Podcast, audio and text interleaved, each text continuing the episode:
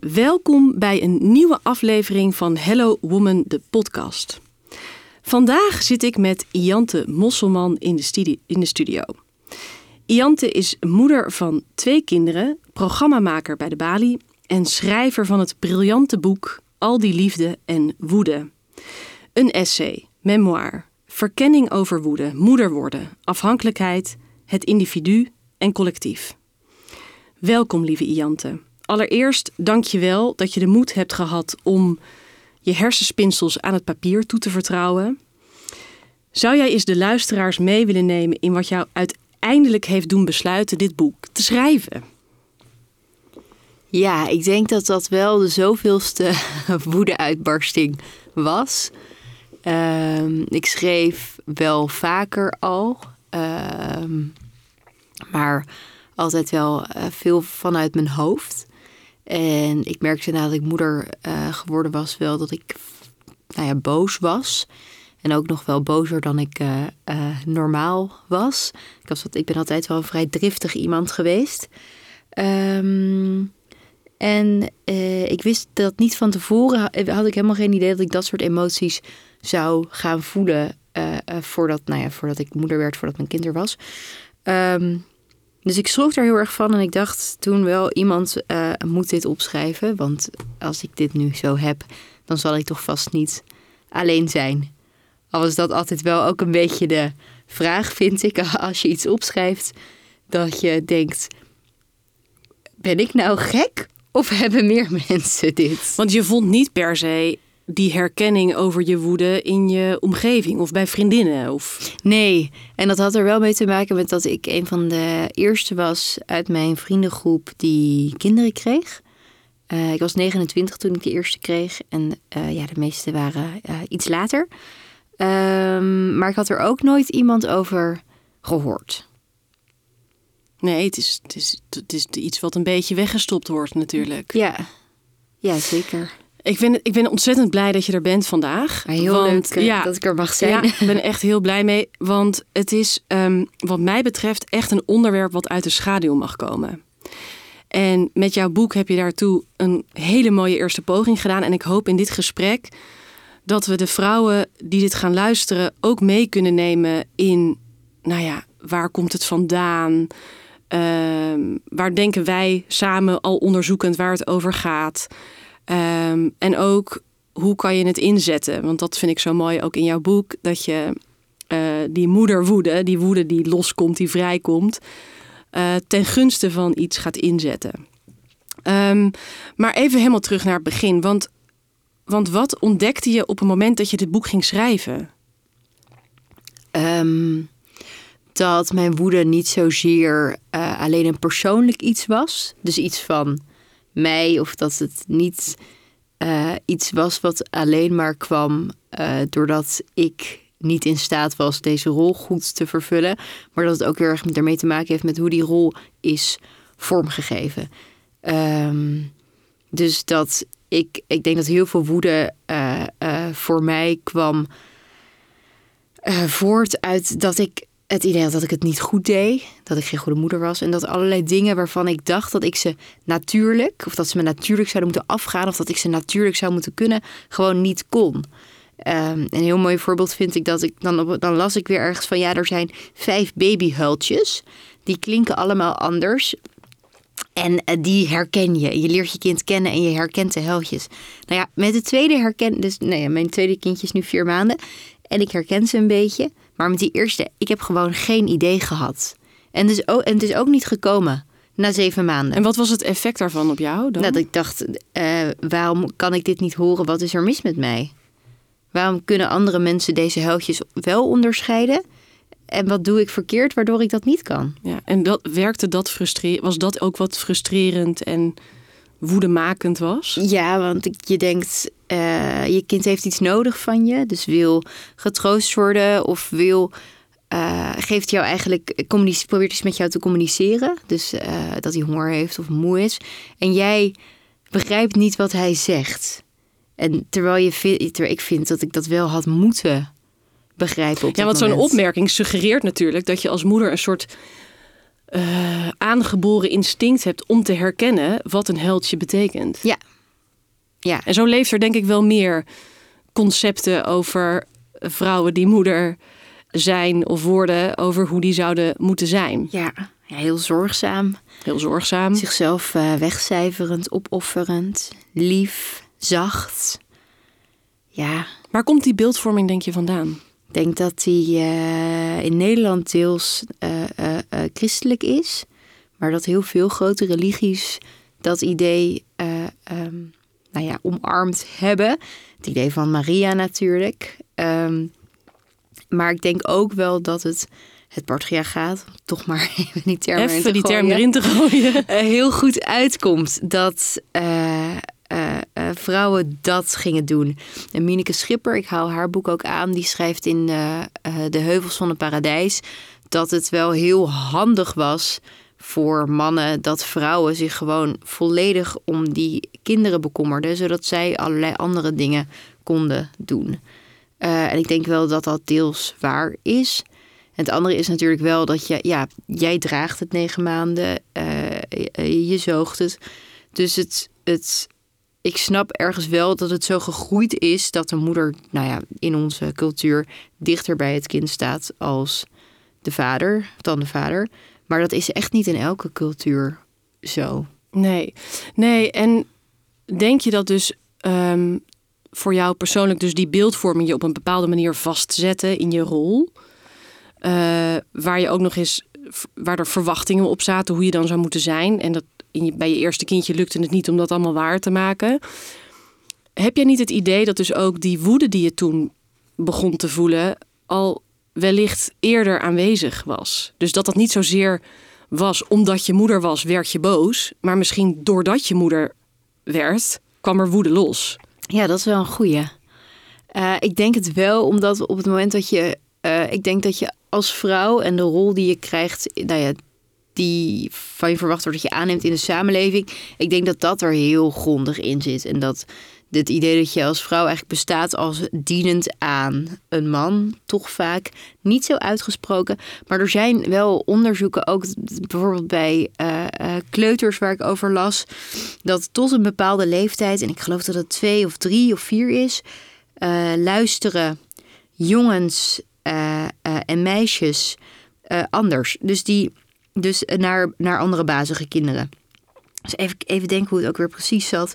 Dus dan ehm, eh, meisjes luisteren, zeg maar, naar hun peers, naar jongetjes en meisjes. En jongetjes luisteren vanaf een bepaalde leeftijd alleen nog maar naar jongetjes.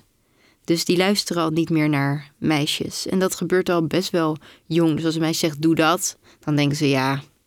Terwijl een jongetje het zegt, dan... Hoe komt dat denk je op zo'n jonge leeftijd? Ja, ik weet, ik weet het niet. Eh, misschien toch het voorbeeld. Ja? Wat je ziet, ik ben er... Dat is- ja, zou wel heel grimmig zijn, maar ik denk wel, ik kan me niet echt iets anders... Nee? Ja. Alsof het er dan niet toe doet of zo? ja, Ja. hey, en wanneer dacht jij... Dacht jij over jouw woede, dit hoort erbij? nee. Ik dacht echt dat dat gewoon mijn particuliere probleem Ja. was. Dat ik niet in staat was om gewoon een beetje normaal te doen. En dat ik te veel wilde.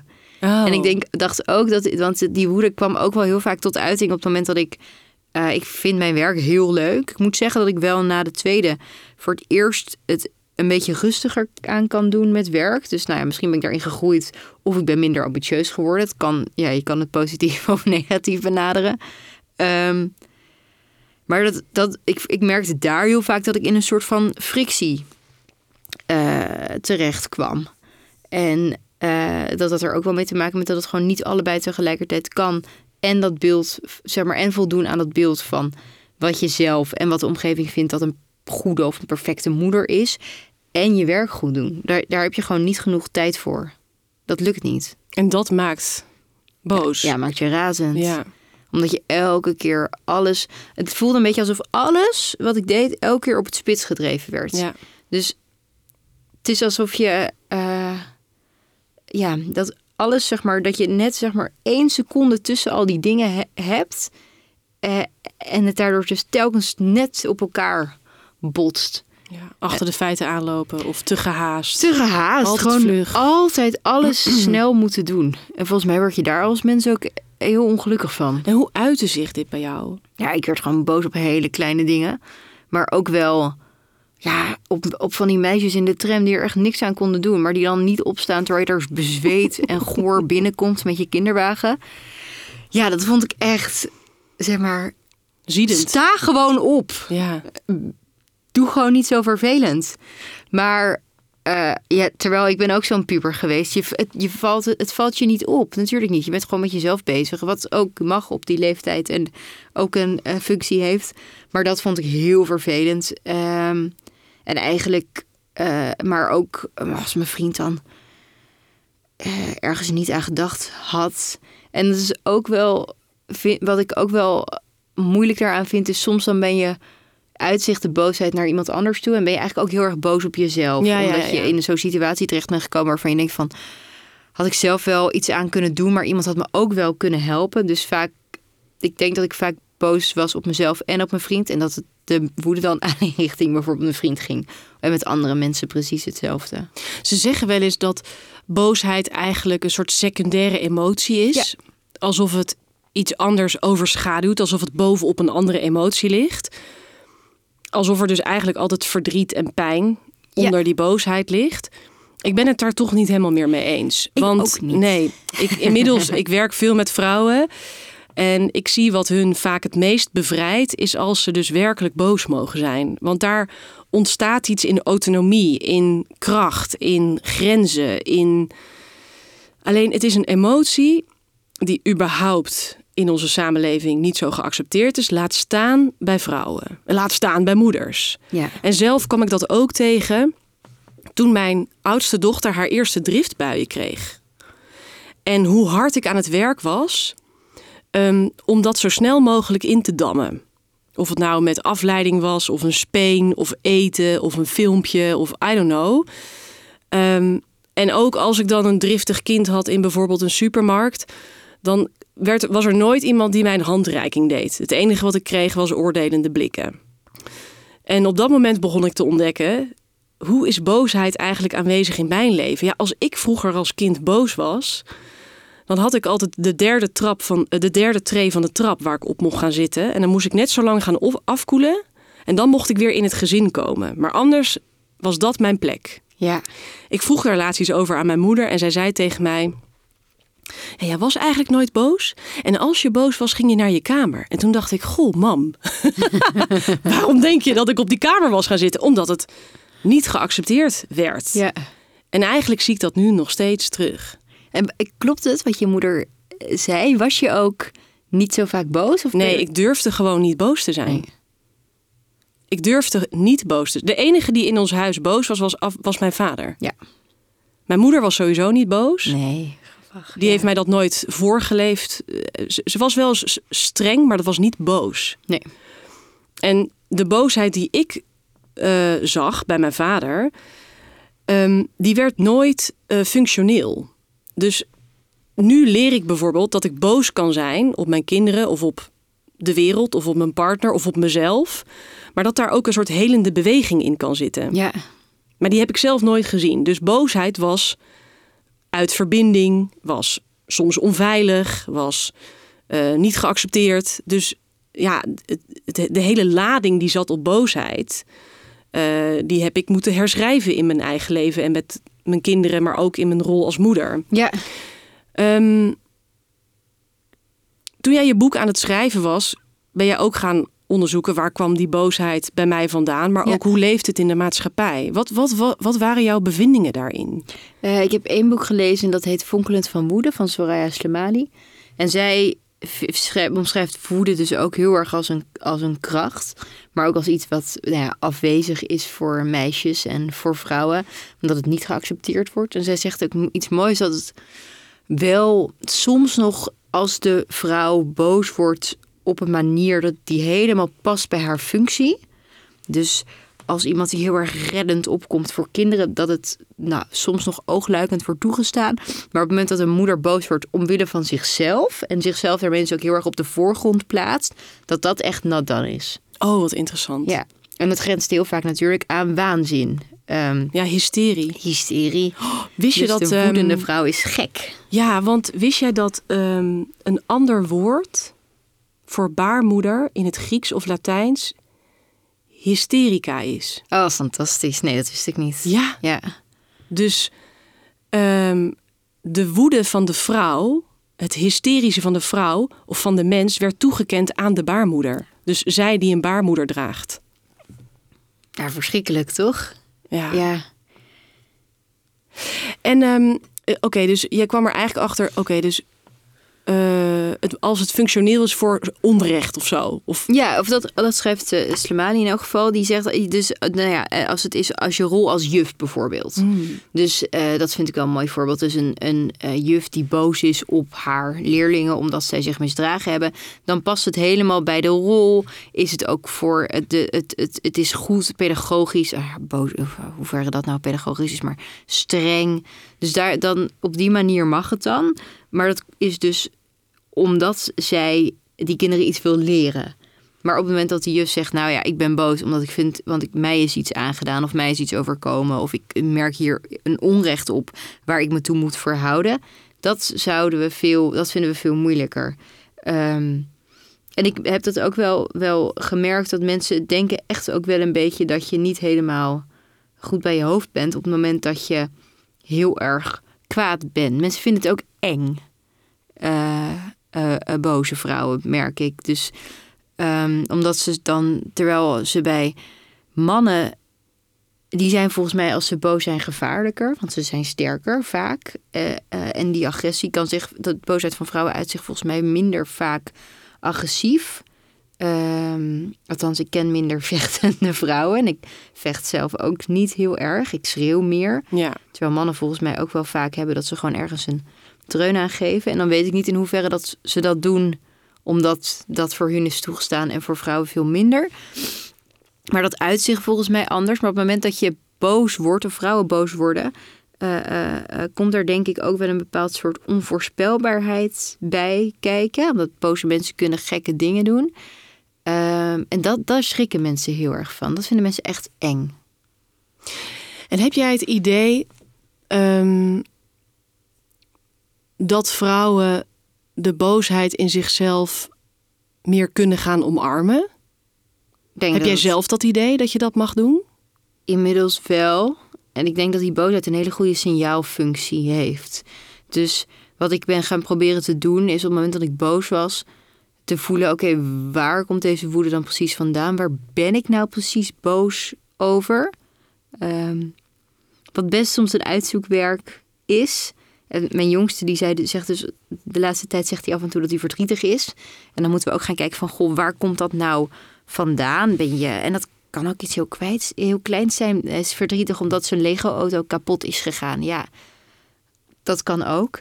Maar dus eigenlijk ben ik dat, zoals, zoals je dat leert op het moment dat je kind bent en je leert je emoties herkennen, gaan doen met mijn eigen boosheid. Waarom ben ik niet boos? Ik ben boos omdat ik me heel erg opgejaagd voel. Ik ben boos omdat ik eh, me niet gezien voel. Ik ben boos omdat ik eh, vind dat ik hier nu met eh, nog lekkende borsten in de vergadering zit, waar ik eigenlijk uit zou willen, maar waarvan ik niet goed durf te zeggen dat ik nu moet gaan kolven. Dat soort dingen.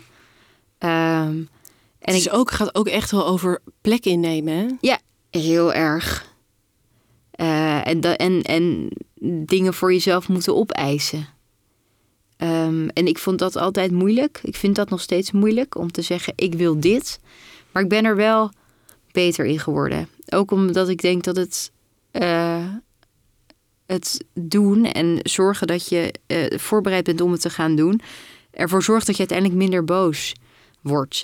Dus ik kon dan bijvoorbeeld eens in een werkvergadering zitten, een uur, en dan gebeurde er iets of iemand zei van, oh, ik doe dit wel, terwijl ik het eigenlijk wilde doen.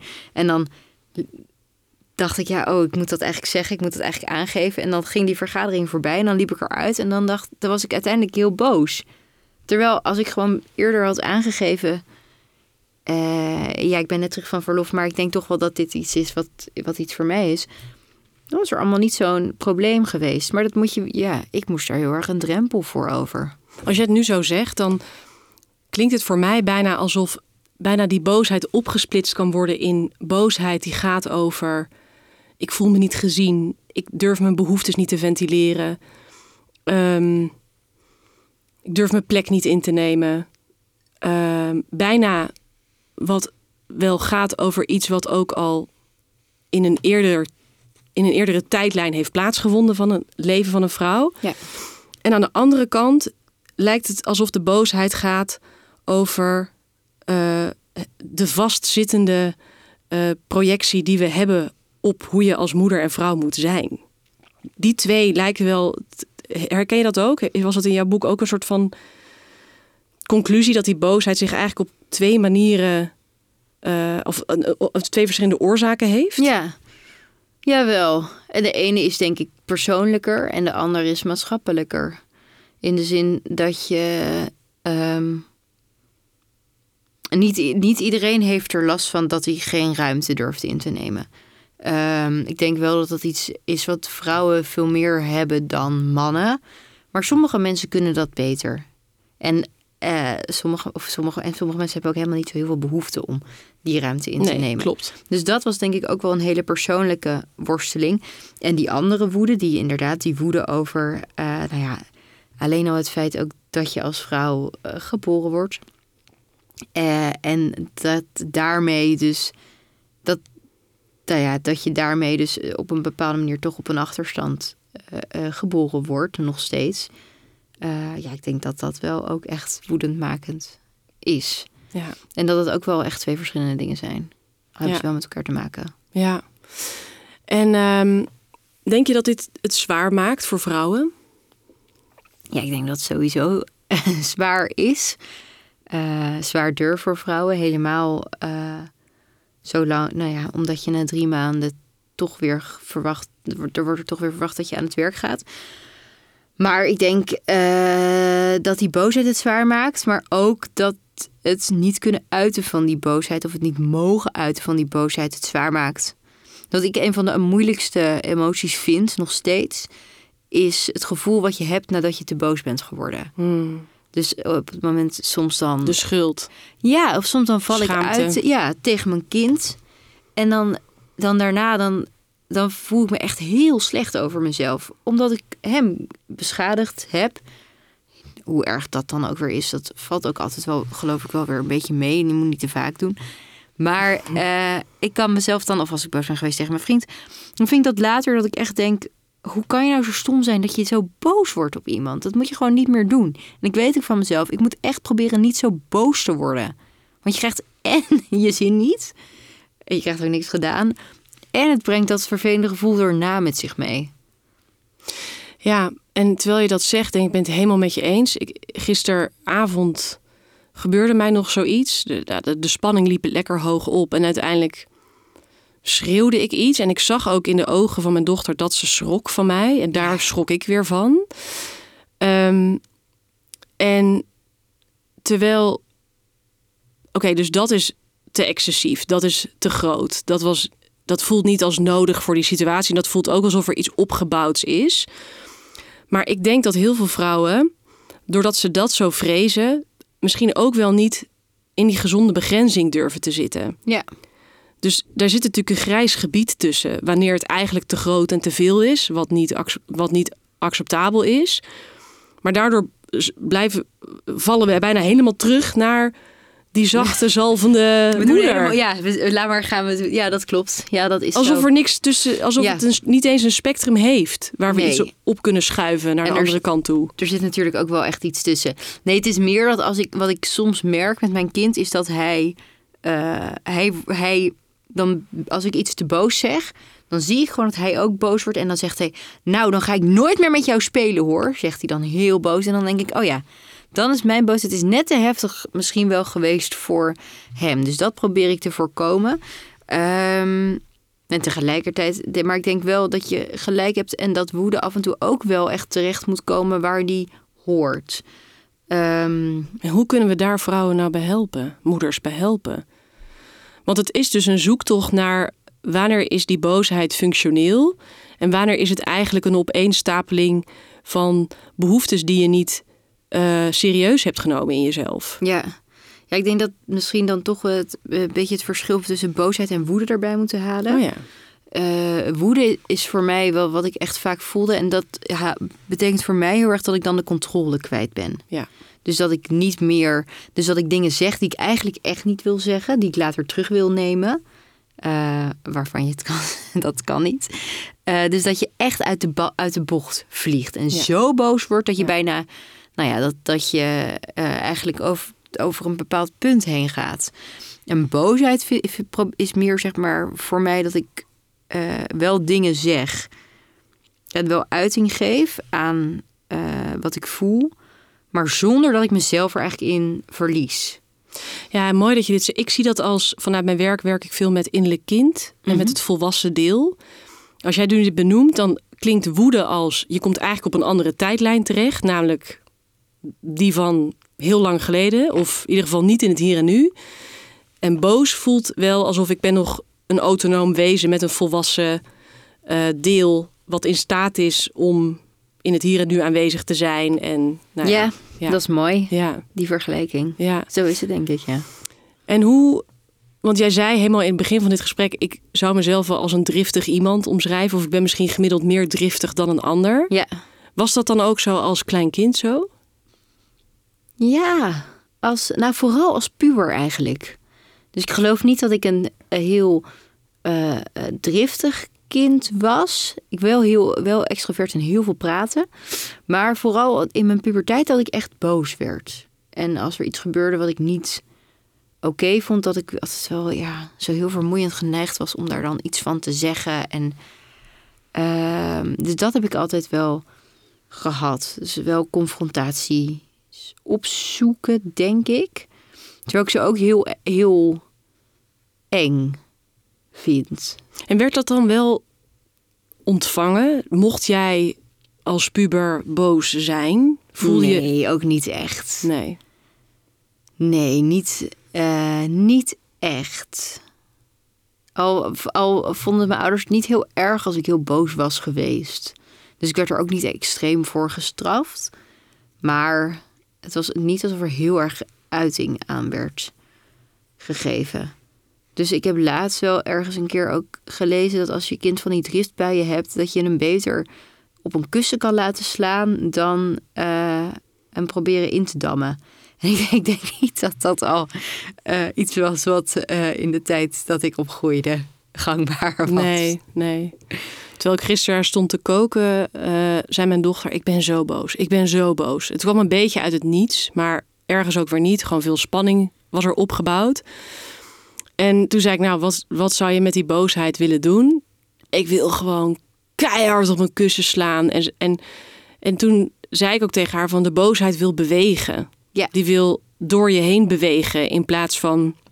Want zij kan helemaal zo verkrampen met haar, met haar handen zo. En helemaal haar, haar, haar, haar hoofd en haar schouders stijf. En toen zei ik, breng het maar in beweging. En het was, het was bijna een surrealistische situatie. Want ik stond te koken alsof er dus niks aan de hand was. Maar ik vroeg af en toe aan haar van, heb je me nodig? Of heb je iets van mij nodig? Nee, nee, maar het is nog niet weg.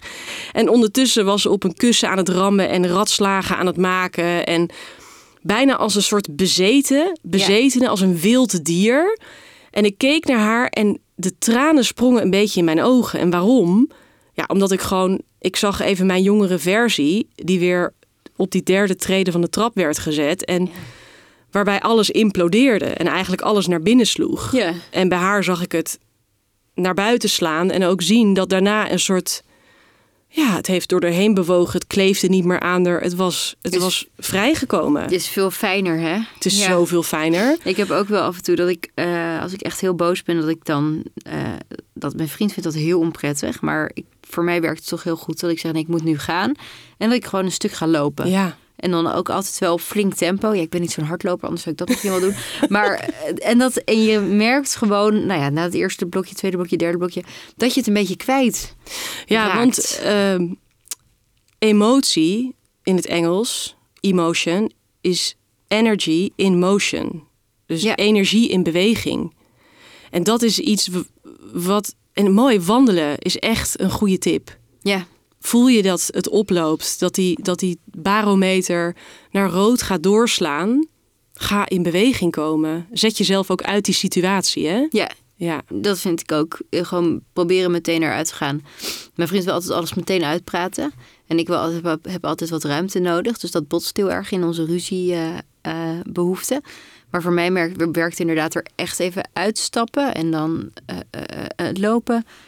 Werkt heel erg goed. En ook wat zo moeilijk is in een ruzie, vind ik dat je eigenlijk elkaar heel vaak hou je elkaar heel erg vast. En zet je elkaar bijna klem natuurlijk, omdat je in zo'n conflict zit. Ehm, ja, dat slaat het ook naar binnen. je houdt elkaar gewoon een beetje gevangen op het moment dat je in een ruzie zit natuurlijk. Dus als je eruit gaat, dan wordt het denk ik altijd beter. Komt er weer een beetje lucht doorheen. Ja. ja. En wat ik laatst geprobeerd heb, wat ook echt werkte, was wel... Ik was bij eh, eh, die, voor, die eh, performance happening van Marina Abramovic in Carré. En zij zei twee dingen. En de ene heb ik nog niet geprobeerd. Maar zij zei, als je boos bent of woede voelt... hou gewoon eens even 10 seconden of zo langer je adem in. En dat is, ja, dat is natuurlijk eigenlijk gewoon een, een equivalent van tot 10 tellen. Ja, ja, ja. Maar ik dacht, ik probeerde dit gewoon. Ik kon vroeger heel goed onder water zwemmen. Dus ik dacht, ik, Oh, ik kan dit. Dus ik heb in een ruzie zonder dat mijn vriend het merkte al mijn adem ingehouden. En echt best wel lang. En op een gegeven moment krijg je gewoon... Ja, je krijgt natuurlijk gewoon geen lucht.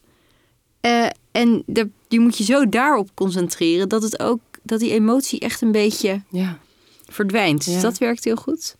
En het andere wat zij zei, wat ik ook heel mooi vond... was je moet een keer... Je moet in een ruzie... moet je van kant wisselen. Let, maar bedoel je... Fysiek. Ja, oh ja, fysiek. Dus zeg maar, wij zitten hier nu en stel wij kregen enorme eh, ruzie, dan zou jij op mijn stoel en ik op jouw stoel moeten gaan zitten. Ja. En zij zegt, probeer dat gewoon. Het is heel raar. Maar omdat het zo raar is, word je er ook een beetje door afgeleid. Grappig, ik heb heel lang als ehm, eh, coach gewerkt voor teams waar ernstig conflict was.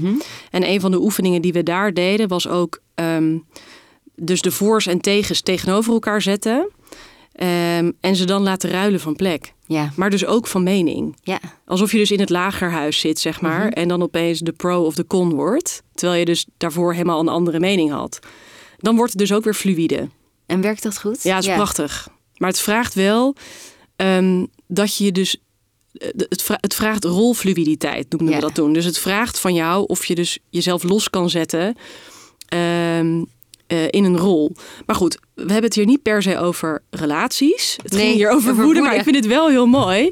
eh, want die woede uit zich natuurlijk wel heel vaak in een In een relatie. relatie, ja. Eh, en of dat nou is naar je kinderen of naar je liefdesrelatie, daar zet het zich wel vaak in vast. Ehm, en toen jij het net zo zei, hè, van dan ga ik wandelen of als ik voel dat het oploopt. En toen ik mijn dochter zo zag gisteren in, in die intense boosheid, toen dacht ik ook, ehm, het vraagt ook van je als mens, als vrouw, als moeder, ehm, dat je jezelf de ruimte geeft om lelijk te zijn. ja, Want woede of boosheid, laten we het even in een gezonde variant houden, is gewoon niet een hele knappe emotie. nee. Het is niet een biggelende traan over je wang. Het is speeksel en snot en eh, Ja, grote gebaren. ja je, nee, je moet jezelf dat wel gunnen, Ja. denk ik. Eh, nee, verdriet kan wel. Eh, Ik denk ook dat, dat je dat heel erg op Instagram ziet nu. Ehm, dat we eh, het heel aangenaam vinden als mensen nou ja, niet alleen maar stralende foto's laten zien, maar ook af en toe iets anders. En dat wordt dan heel vaak verdriet over iets, omdat dat nog wel mooi kan zijn. Mooi en echt. En, en ook heel erg nou ja, passend bij eh, wat een vrouw wel mag. Maar woede laat je gewoon niet zien, want inderdaad, het is echt lelijk. Ja, Schreeuwen en- is ook lelijk. Schreeuw is ook lelijk. Terwijl er wordt wel een beetje zo'n illusie gewekt dat dat de donkere kant is van het moederschap, dat verdriet. Ja. Maar dit, ja, dat, dat tonen we niet. Nee, Dat Nee, zit zo'n taboe op. dat slaan met de deuren of, of schreeuwen tegen je kinderen. Eh, ik heb mijn kinderen nooit geslagen, maar eh, ik heb het wel eens willen doen. Dat ik echt dacht, oh, ik ben nu zo gefrustreerd. Ik zou, ik, dat je, dat, nou ja, dat je zelf gelukkig nog in de hand hebt. Maar er zijn natuurlijk heel veel ouders die dat overkomt. Eh, of dat je je kind wat te hardhandig vastpakt. Ja, dat is mij ook overkomen. Wat heb je dan op je afgekregen toen jouw boek werd gepubliceerd? Het viel eigenlijk wel mee. Ja? Nou, het er, zeg maar, mensen die het, dat vind ik heel leuk, mensen die het lezen herkennen het heel erg. Omdat ik ook wel denk dat dat vaak moeders zijn die dit gevoeld hebben. Maar, af en, maar wat dus, dus op dat boek niet zo heel erg. En waar ik wel de reacties merk, ehm, zijn bijvoorbeeld als ik, zo, als ik een interview ergens gegeven heb en ze delen het op social media en ze zetten het wat eh klikbeterig eh, erop. Ja, dan schrijven mensen gewoon rustig eronder dat ik geen kinderen had moeten krijgen. Wat een koude vrouw. Het zou je moeder maar moeten. Het zou je moeder waar zijn. Eh, ja, dan had je dat gewoon niet moeten doen. Oh. Dat soort dingen. Ja, ik, eh, de eerste keer dat ik dat las, vond ik dat heel erg. En heb ik ook. Er was eens een artikel wat kwam drie dagen voordat ik ging bevallen. En toen heb ik twee vriendinnen gebeld en gezegd tegen hen: Oké, jullie moeten deze comments lezen, want ik kan het echt niet aan nu. En vertel me hoe erg het is. Waarvan de ene zei: Het is heel erg. En waarvan de andere zei: Het valt heel erg mee. Dus dat was ook heel Dat grappig. was fijn. Ja. En, eh, Maar ja, wat bedoel je dan met klikbeterig neerzetten? Want hoe wordt het dan geframed? Ehm, nou, eh, Janse Mosselman was heel boos. Of voelde heel veel woede nadat ze een kind had gekregen. Wat natuurlijk echt wel zo is. Dus het is niet onwaar. Maar als je alleen die kop leest, dan snap ik ook wel dat mensen denken: jeetje, wat ontzettend verwend. Dan, heb, dan, mag, dan mag je een kind krijgen, ben je zo gelukkig. Er zijn natuurlijk ook heel veel mensen voor wie dat niet is weggelegd, die dat misschien ook wel Ja. hadden gewild, voor wie, Ja. wie het niet lukt. Dan kan ik me best wel voorstellen dat je ziet van jeetje, wat ontzettend verwend. Je krijgt een kind, je wil een kind. Zuur niet. En dat snap ik ergens ook wel. Als je alleen dat stuk leest of alleen. ehm, want dat is ook gespeend van elke vorm van. Nou ja, relativering die ik toch hopelijk ook wel heb. En, en zelfspot die ook volgens mij wel in dat boek zit. Ik zie zelf ook wel dat die woede af en toe echt belachelijk is. Of zeker op het moment dat ik dan met die kinderen, dat ik heel boos was en met die kinderwagen liep en zo tegen iemand aanrijdt. Ja, dat is Zo passief Ja, agressief. het is heel passief-agressief. En dat, dat is natuurlijk ook echt eh, ja, een beetje van God los. Maar het is denk ik ook heel herkenbaar. Ja, en wat ik nu me vooral realiseer terwijl we het hier zo over hebben, is dat hoe minder dit er mag zijn, hoe meer het kan broeden. Ja. Dus ik zie het altijd als een soort strandbal die je onder water probeert te drukken. En je kan dat best wel lang volhouden en je drukt hem nog wat meer onder water. Maar uiteindelijk plopt hij een keer omhoog. Ja. En dan wordt hij misschien nog groter en lelijker eh, en harder in je gezicht dan dat je had gedacht. Ja. Dus nou ja, op maatschappelijk niveau hebben we daar iets in te doen. Maar ik denk op persoonlijk niveau dus ook. Ja. Ehm, en dat zal voor heel veel vrouwen dus ook wel gaan over... ben ik als vrouw in mijn rol als moeder me nou ontzettend aan het opofferen? Wat voor plek ben ik aan het innemen? Durf ik mijn behoeften uit te spreken? Want ik geloof dat, dat er toch, ja, toch wel veel bonnetjes verzameld worden. Ja. En uiteindelijk krijgen ze de rekening Klopt. of de partner of wie dan ook de rekening gepresenteerd. Ja. Zo, dat doe ik zelf ook hoor. Dan denk ik gewoon, ja, en dit en dat en zus en zo. Maar dit is ook moeilijk, want je wil ook niet de hele tijd over al die, op al die slakken zout leggen. Alleen je slaat het wel op, denk ik. Dus dat vind ik een van de lastigste eh, dingen. Vind ik, zeg maar, beslissen wanneer je ergens iets van zegt en wanneer niet het doseren van je boosheid, het doseren van eh, eh, het voor jezelf opkomen. Omdat het echt aan allebei die kanten kan doorschieten. Het is heel vervelend, denk ik, als je iemand wordt die elke keer als er iets gebeurt wat hem niet naar de zin is, zegt: hey, dit vind ik niet fijn of dit vind ik niet prettig. En aan de andere kant is het heel vervelend als je het allemaal opkropt. Dus nou, dat pick your battles, dat vind ik heel lastig. Ja, en waarom is dat dan zo? Want eh, ik snap wel wat je zegt. Je hoeft niet op elke slak zout te leggen. Mhm. Maar je zei in het begin van het gesprek het patriarchaat. Ik geloof wel dat, dat het misschien even een beetje door mag slaan naar de ene kant... om ergens gezond in het midden uit te komen. Ja, Misschien hebben we wel heel lang ge- ingeslikt. dat ben ik wel met je eens. Ehm, Ja, nee, dat is zo. Alleen de vraag is, is eh, ja, hoe verander je echt wat en hoe krijg je zelf wat je wil? Ehm, kijk, ik merk bijvoorbeeld in mijn relatie dat mijn vriend wordt er gewoon is. Het is niet goed voor hem als ik de hele tijd zeg: ja, dit moet anders, dit moet anders, dat moet anders. Want dan kan hij niet, eh, dan voelt hij niet de vrijheid om het op een andere manier te doen. Terwijl ik, om, als ik heel eerlijk ben, zou ik dat wel echt. Ik zou het vaker willen zeggen dan ik nu doe. Hmm. Dus daar vind ik het eh, lastig.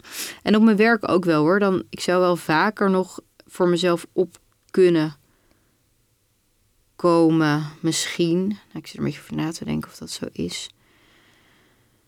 Lastig. Nee, ja. ja, ja. Ik denk ook wel dat er een- een tijdje doorslaat. Ja, en ik denk ook dat er wel een nuance zit tussen eh, alles willen controleren. Mhm.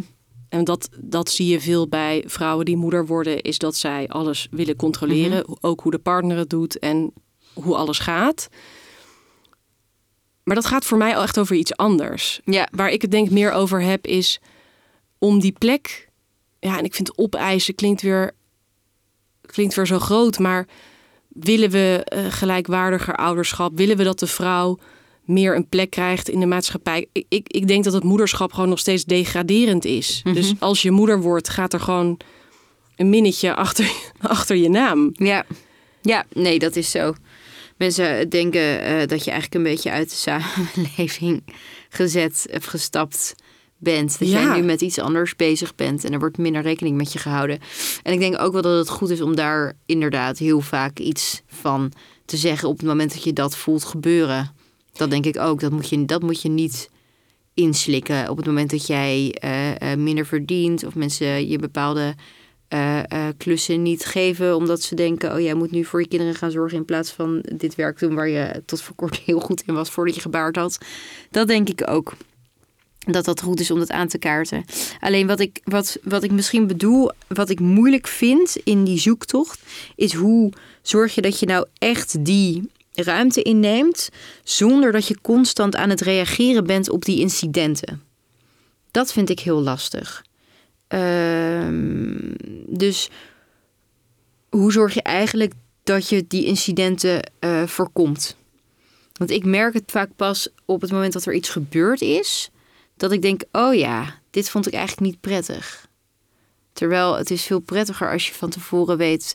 Dit is iets, iets wat mij vaak overkomt. En dat komt omdat ik me op deze en deze manier opstel in een groep, bijvoorbeeld.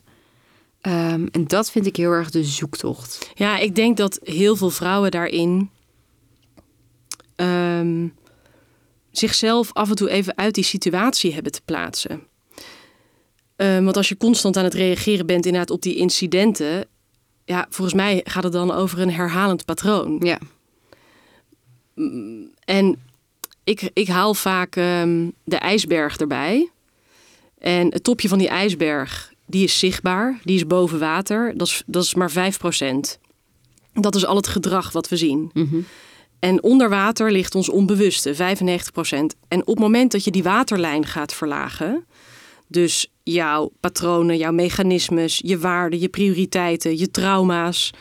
eh, op het moment dat die in het licht komen te staan of boven de waterlijn komen, dan valt er ook iets op te transformeren. Alles wat in het donker zit, dat achtervolgt je alleen maar, maar daar kan je eigenlijk niks mee. Het transformeert pas op het moment dat je het in het licht zet. En ik geloof dus ook dat, hè, dus als jij als vrouw uitzonderlijk veel boos bent, ehm, dan heb je denk ik iets te doen in het verlagen van die waterlijn. En hoe doe je dat? Of hoe raad jij mensen aan dat... Hoe werk je daaraan met mensen? Ja, ik ga wel. Ik ga eigenlijk terug naar jouw, eh, jouw begintijd. Dus we weten inmiddels dat je als mens gevormd wordt, een soort blauwdruk krijgt in de eerste duizend dagen van je leven. En dan gaat de teller niet lopen als je geboren wordt, maar de teller gaat lopen vanaf het moment vanaf conceptie. Waar we voorheen dachten, je wordt als een onbeschreven blad geboren, weten we nu dat cellen in staat zijn om ervaringen op te slaan. Dus zelfs zonder dat je als foetus volgroeide hersenen hebt, ben je in staat om op celniveau ervaringen op te slaan. En denk ik dus ook dat, ja, hoe, hoe ben jij in het prilste begin van je leven verwelkomd? Was, Ja. je, was je gewenst of niet? Eh, werd je warm onthaald? Was het veilig? Ehm, en hoe ben je ter wereld gekomen? Ehm, hoe, hoe ben je gehecht? In wat voor fa- familiesysteem ben je terechtgekomen? Dus die waterlijn verlagen doe ik door bewustwording te krijgen op hoe ben jij in de basis gevormd? Ja.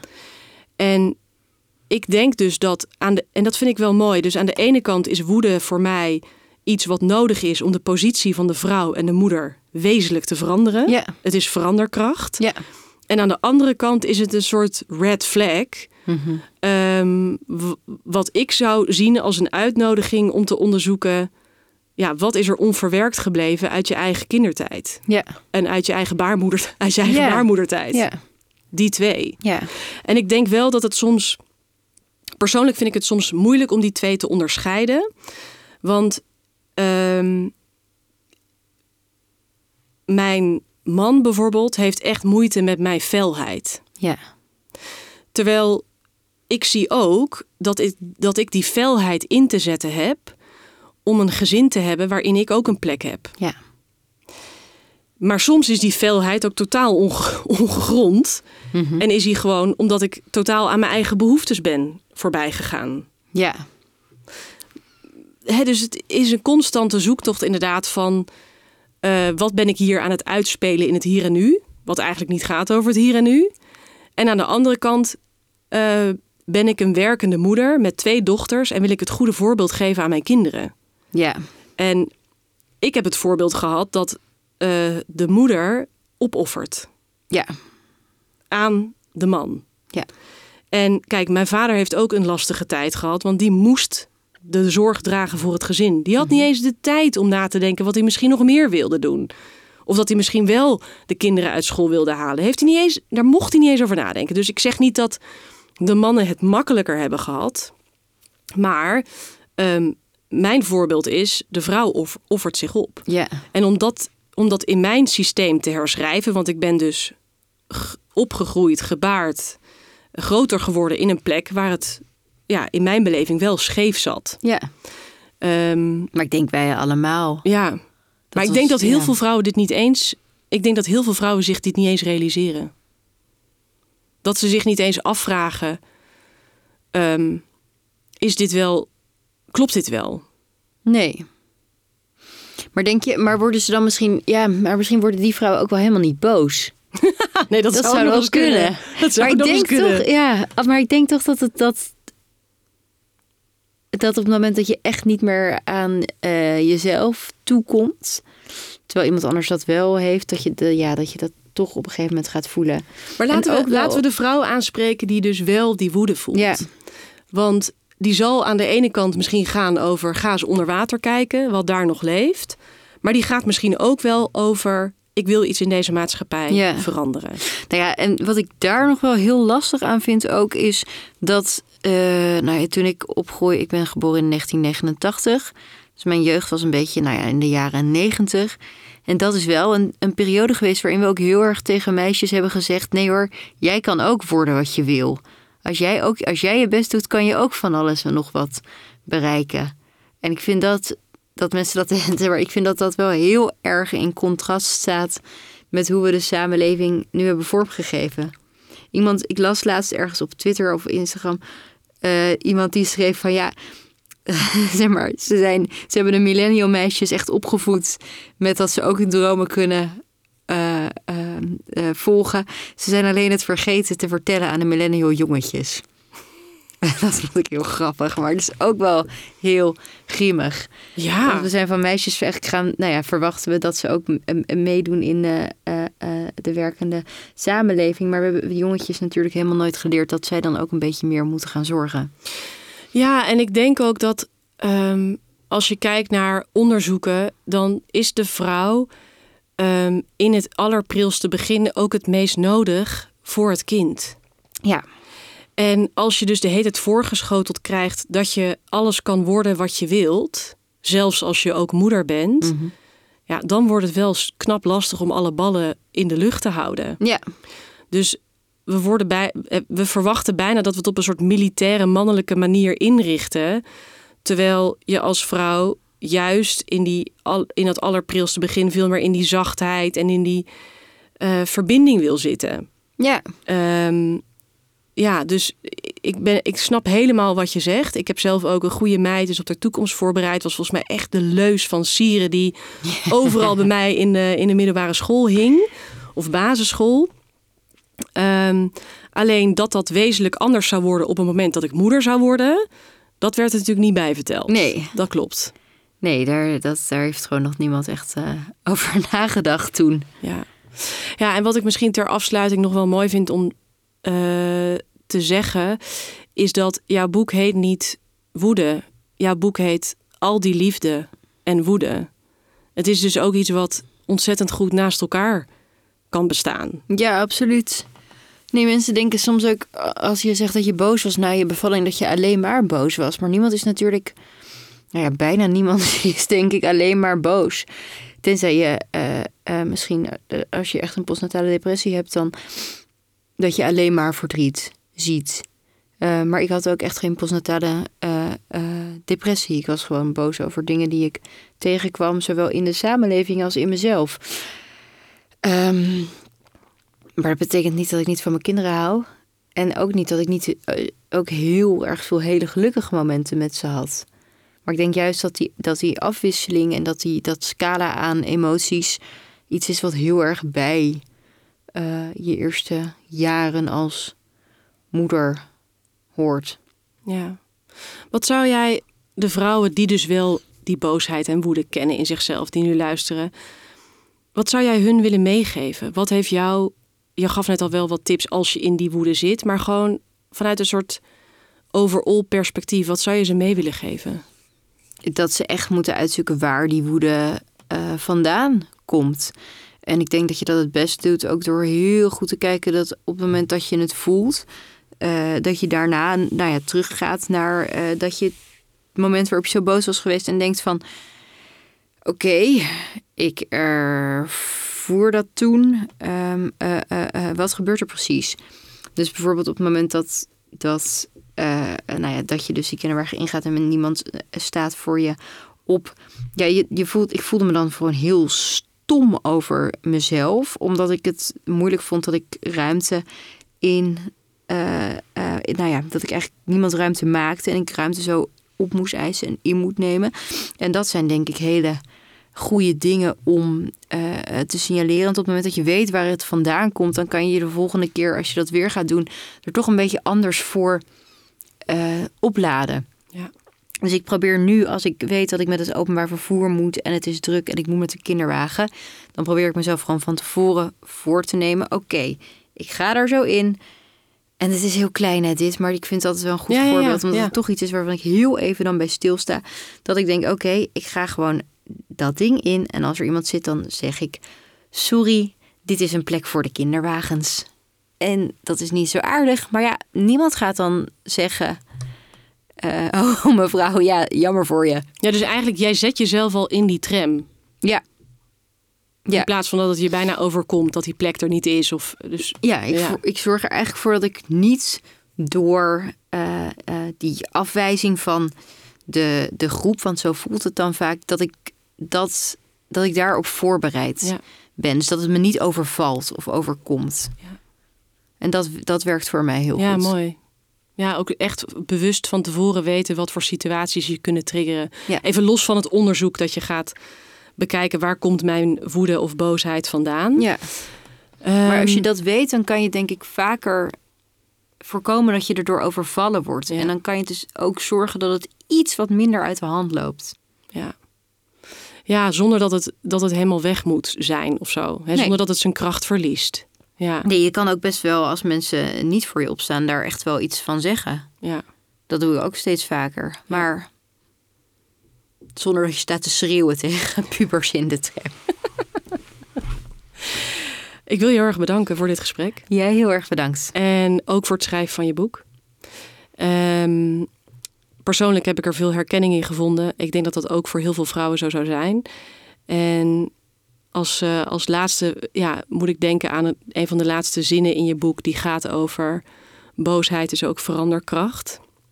En heeft inzicht dat dingen ja, anders kunnen worden en gelijker kunnen worden. Ehm, dus ik hoop niet dat we onszelf eh, gaan uitvlakken daarin. Nee, dat hoop ik ook niet. Ja, dankjewel. Jij bedankt, dankjewel. Echt heel leuk. Hello woman, I'm coming home.